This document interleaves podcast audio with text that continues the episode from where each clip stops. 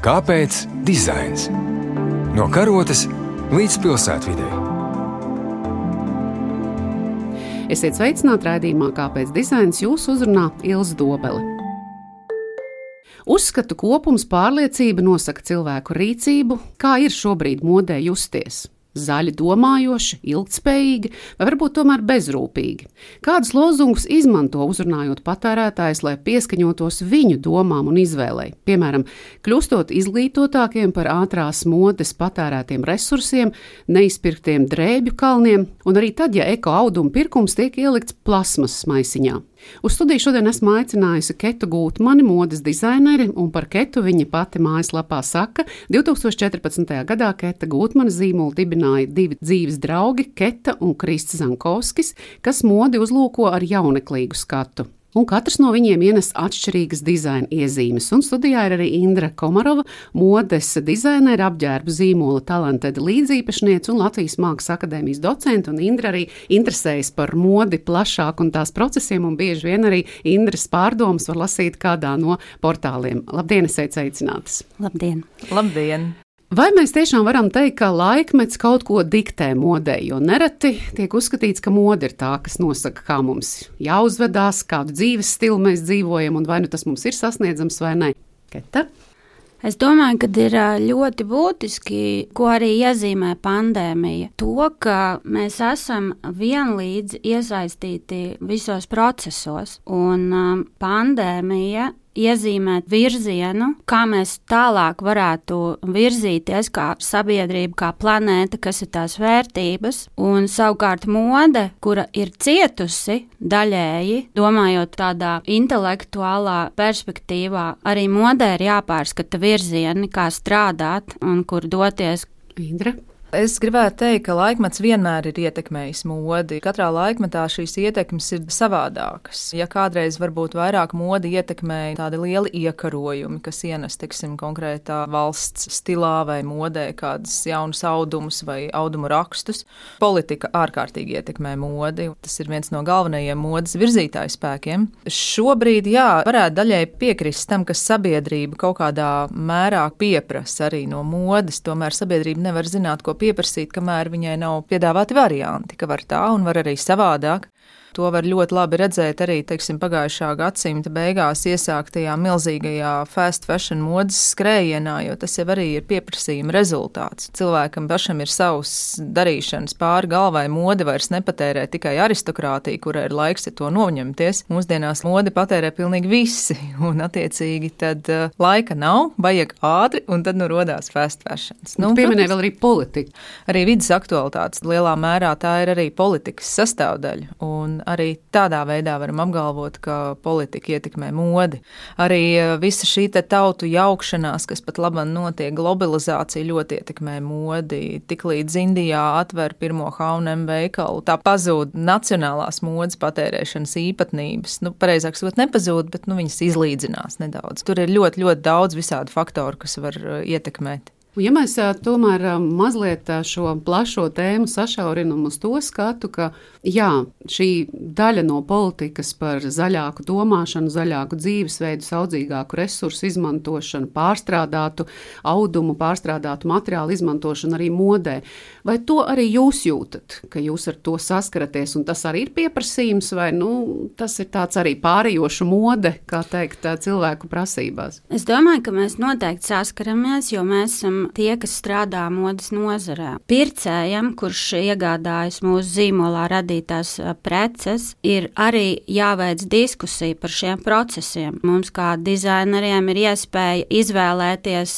ļoti dažādus, atšķirīgus veidus, kā mēs varam iet šai virzienā. Vai, piemēram, mēs izvēlamies ilgspējīgus materiālus dizainā izmantot, vai mēs izmantojam, piemēram, savus zīmolus kā platformu, kurā mēs piedāvājam izteikti piedalīties kādai sociālai grupai, vai, piemēram, mēs izmantojam savu zīmolu arī kā vēstnieku dažādos jautājumos, un nevienmēr tikai tas ir par drēbju ražošanu un attīstību. Varētu teikt, ka jūs esat cieši saistīti ar sabiedrības strāvojumiem un nejūtat sevi atrauti. Mums ir ļoti noteicošs barometrs patērētājs, patērētāja dzīvesveids, patērētāja uztvere. It sevišķi, ja mēs pandēmijas laikā, lai izdzīvotu zīmols, bija spiests integrēties digitālajā vidē, teiksim, attīstīt online tirzniecību, kas ir pilnīgi atšķirīga no dzīves tirzniecības. Nu, tālāk mēs varam runāt, ko dara šobrīd luksus modes nami, arī pārstruktūra kurzējās uz digitālām prasmēm, proti tiek ieviesti avatāri, digitālie konstruktori, un šīs visas lietas viņas būs, viņas attīstīsies, un viņas arī noteiks ļoti daudz ko modē. Bet uh, dzīva, komunikācija,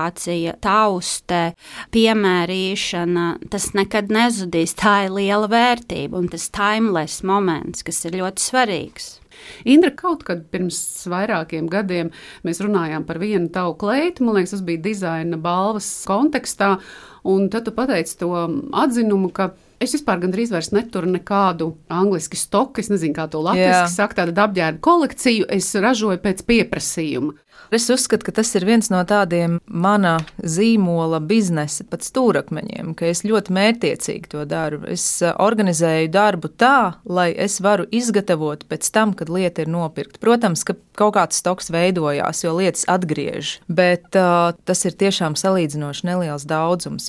Ņemot vērā to, ka pēdējos gadus mēs aizvien vairāk uh, virzamies online pārdošanas virzienā, protams, ir situācijas, ka ir kaut kas, ko es jūtu, kas tirgojās vairāk, to mēs varam nelielos daudzumos pasūtīt gatavu. Tomēr es maksimāli izvairos no šī gatavo lietu uzglabāšanas, tieši baidoties par to, ka man pēc tam nāksies to ar lielām atlaidēm iztirgot, vai varbūt mhm. -huh. vispār neizdosies to izdarīt. Pirms kādiem četriem gadiem vienā mazā veikaliņā Itālijā atradu Stēlas Makartnīs kažociņu, uz kura rakstīts speciāli liela uzlīme virsū, ka šī nav īsta āda. Un tad, protams, šī globālā sajūta par to, ka mums ir jāsaudzē dažādi resursi, varbūt nebija tik izplatīti kā tagad, bet, protams, arī jau bija.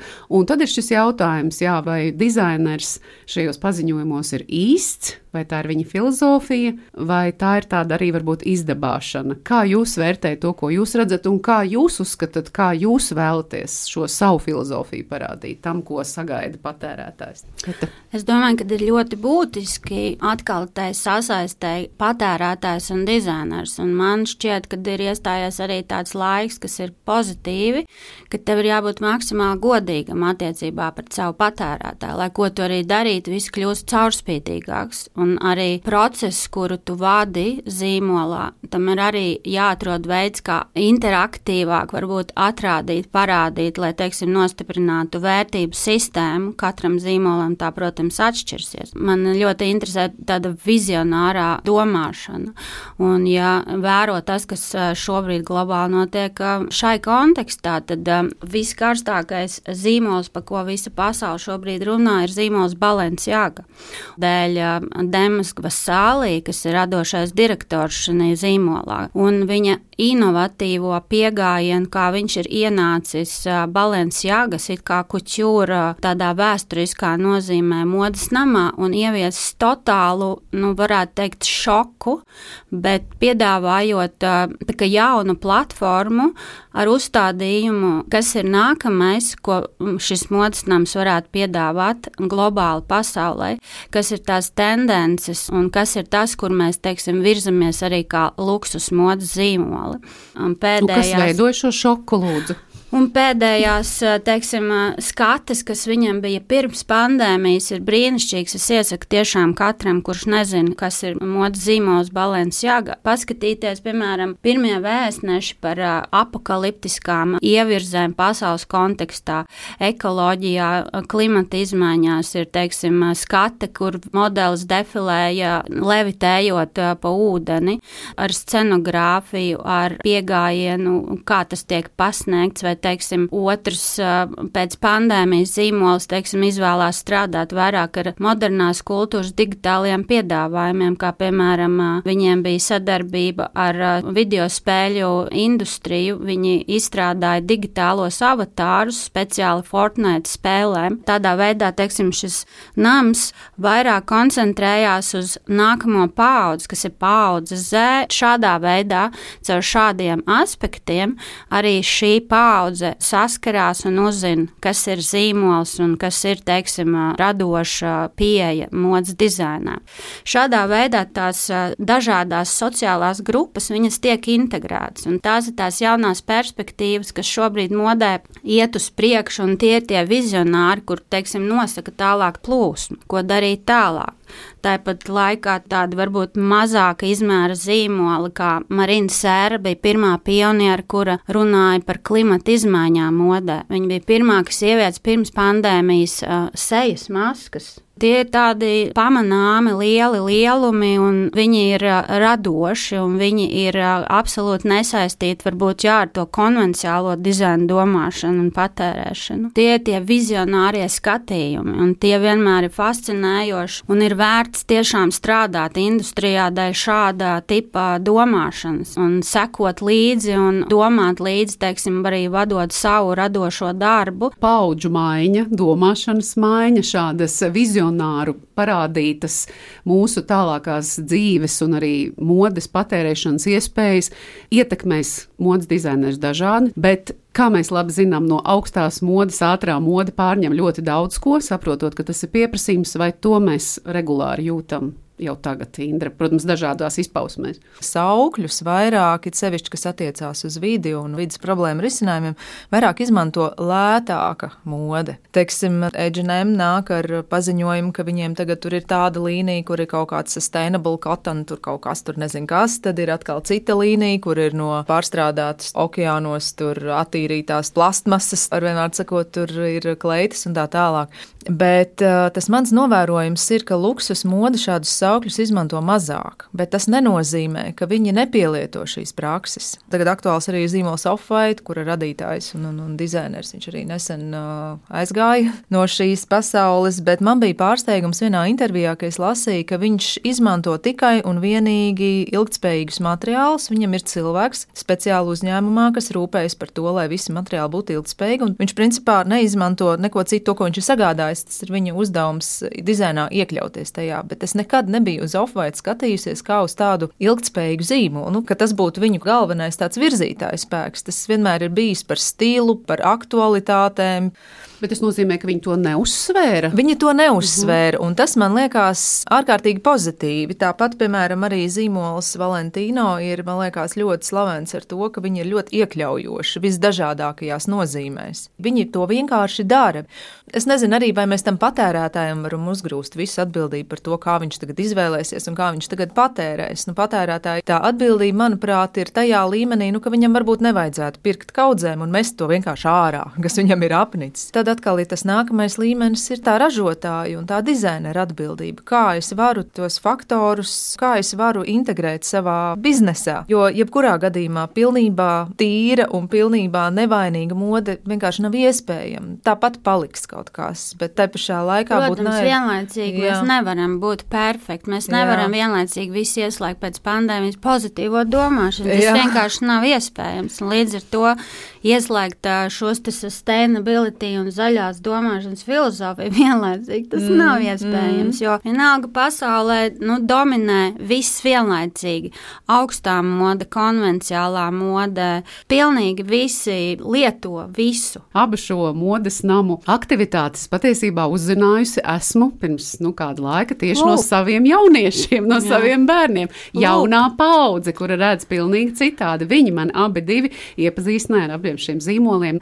Jārada saturs dizaineram primāri, un viņam vienmēr ir jāsaskata tas, ko cits nesaskata tajā brīdī. Viņam jāierauga perspektīva, kurā tālāk ir jātīst. Un šeit ir stāsts jā, tieši par Dēmonu kā vizionāru, kādā veidā viņš saredz perspektīvas un tieši uzrunājot jauno paudzes. Tāpat arī Chanel modes namā arī ir diezgan fokus uz jaunās paudzes patērēšanas principiem un domāšanu, bet, teiksim, arī ir ļoti svarīgi jaunākai paudzei nodot mantojumu, kas ir milzīgs un neaptverams, ko, teiksim, tas pats Chanel modes nams ir uh, izveidojis, ar, uh, teiksim, savācot uh, savā paspārnē visus sīkražotājus amatniekus, kas iekļaujās kā izšuvēji, adītāji, cepurnieki un visa šī amatnieku cumta, cik svarīgi, teiksim, arī tālāk nodot nākamajiem dizaineriem, lai viņi zina, ieejot modes namā, kas tālāk ir jāreflektē un ka to drēbniecību un to, kā franči saka, savoir faire, to nekad mēs nepazaudējam, jo tikai tā veido mūsu kultūru.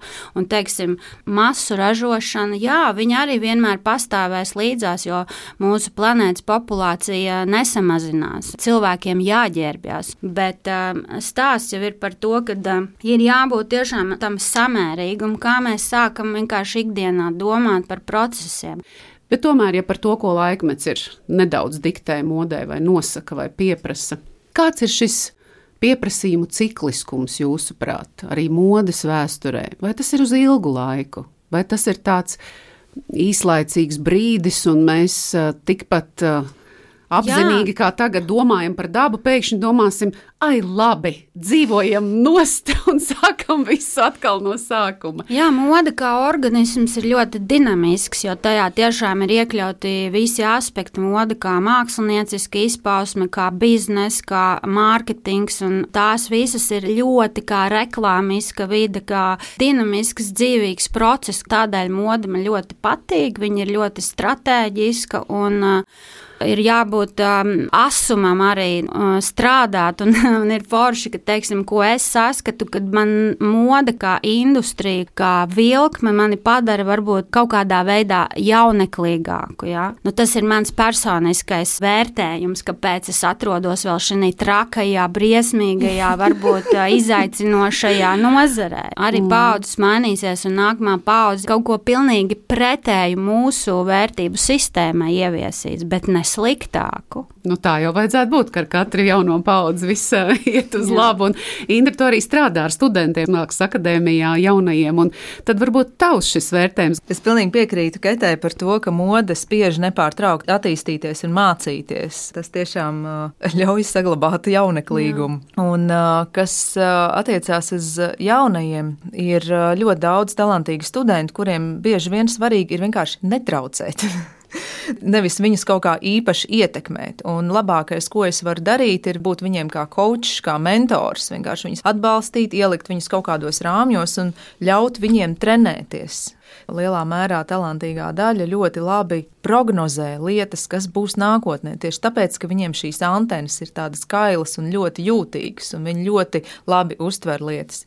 Viņi grib, lai lietas tiek ieviestas dzīvē un lietas tiek valkātas. Protams, vienmēr ir arī tādi ļoti mākslinieciski eksperimentētāji, bet tāds lielais vairums patiešām tagad vairāk domā par sevi, par saviem draugiem, par saviem uh, vienaudžiem. Tā ir tā var... grūtākā lieta, vai ne? Jā, lai tas mhm. būtu gan radošs mm -hmm. un, un īpašs, gan tai pašā laikā arī viegli saprotams un lietojams. Tas nozīmē ļoti daudz ko. Tas nozīmē, ka tā ir pieejama visplašākajā nozīmē, tas nozīmē, ka tā ir fiziski un emocionāli ērta. Tur ir daudz visādi šādu aspektu. Man šķiet, ka vispār tā ir tāda zēpa paudzes īpatnība, ka viņi ļoti novērtē, ka tu esi patiess, ka tu esi īsts un ka tu esi autentisks. Un, uh, viņi netic nekādiem mākslīgiem nezinu, saukļiem atkal varētu piesaukt to pašu. Uh, labi, bet uh, noslēdzot pavisam mūsu sarunu, tad, uh, ja cilvēki jums jautā, kas ir modē, ko jūs sakat? to, kas ir modē, manuprāt, vienkārši cilvēks, kuru interesē kultūra, kuru interesē dzīve. Tā ir tāda lieta, ko vienkārši nu, kaut kādā mērā sajūt. Mode ir tāda ļoti nozīmīga un tāda liela kultūras sastāvdaļa, un tur nevar nodalīt, ka šopavasar mēs vilksim tādu vai šitādu krāsu. Tāpat kā ēdienā, tāpat kā kino, tāpat kā veidos, kā mēs darām lietas, tas viss notiek ļoti plūstoši. Tas ir, es teiktu, ka drīzāk modē ir personība un autentiskums, nevis kaut kādas konkrētas lietas, ko varētu pielāgot pilnīgi visiem. Mēs... Es domāju, ka mode vienmēr būs tā, kas izraisīs daudzus jautājumus un radīs definīcijas. Un tad ir jautājums, kā es kā indivīds tieku tam līdzi, vai man tas vispār interesē, vai man tas ir vajadzīgs. Un arī tomēr mode vienmēr liks tev padomāt, varbūt es esmu nedaudz nedaudz daļa tomēr arī no tās modes. Jā, nu lūk, tieši par tādu modi mēs arī šajā dienā runājām ar jums, par to modi, kas ir sastāvdaļa no mūsu sabiedrības, no mūsu redzējuma, no pasaules tendencēm, kuru nav iespējams atraut tikai ar krāsām un formām. Tāpēc liels paldies par jūsu ekspertīzi, paldies par to, ko jūs darāt šeit Latvijā un aicinat arī mums sekot līdz plašākā nozīmē. Tātad šodien radio studijā bija divas modes dizaineris Indra Komarova un Keta Gūtmane. Paldies jums liels par šo sarunu! Vēl tikai piebildīšu, ka pateicība par šī raidījuma tapšanu ir Kultūra Kapitāla fondam. Raidījuma skaņu montēja Judīta Bērziņa, pie skaņu pults bija Elizabete Šeicānova, un tiksimies atkal kādā no citiem kāpēc dizains raidījumiem. Savukārt, ja šo jūs klausties attālināt, vienmēr varat izmantot mājaslapu LSMLV vai arī kādu no populārākajām podkāstu aplikācijām. Uz tikšanos!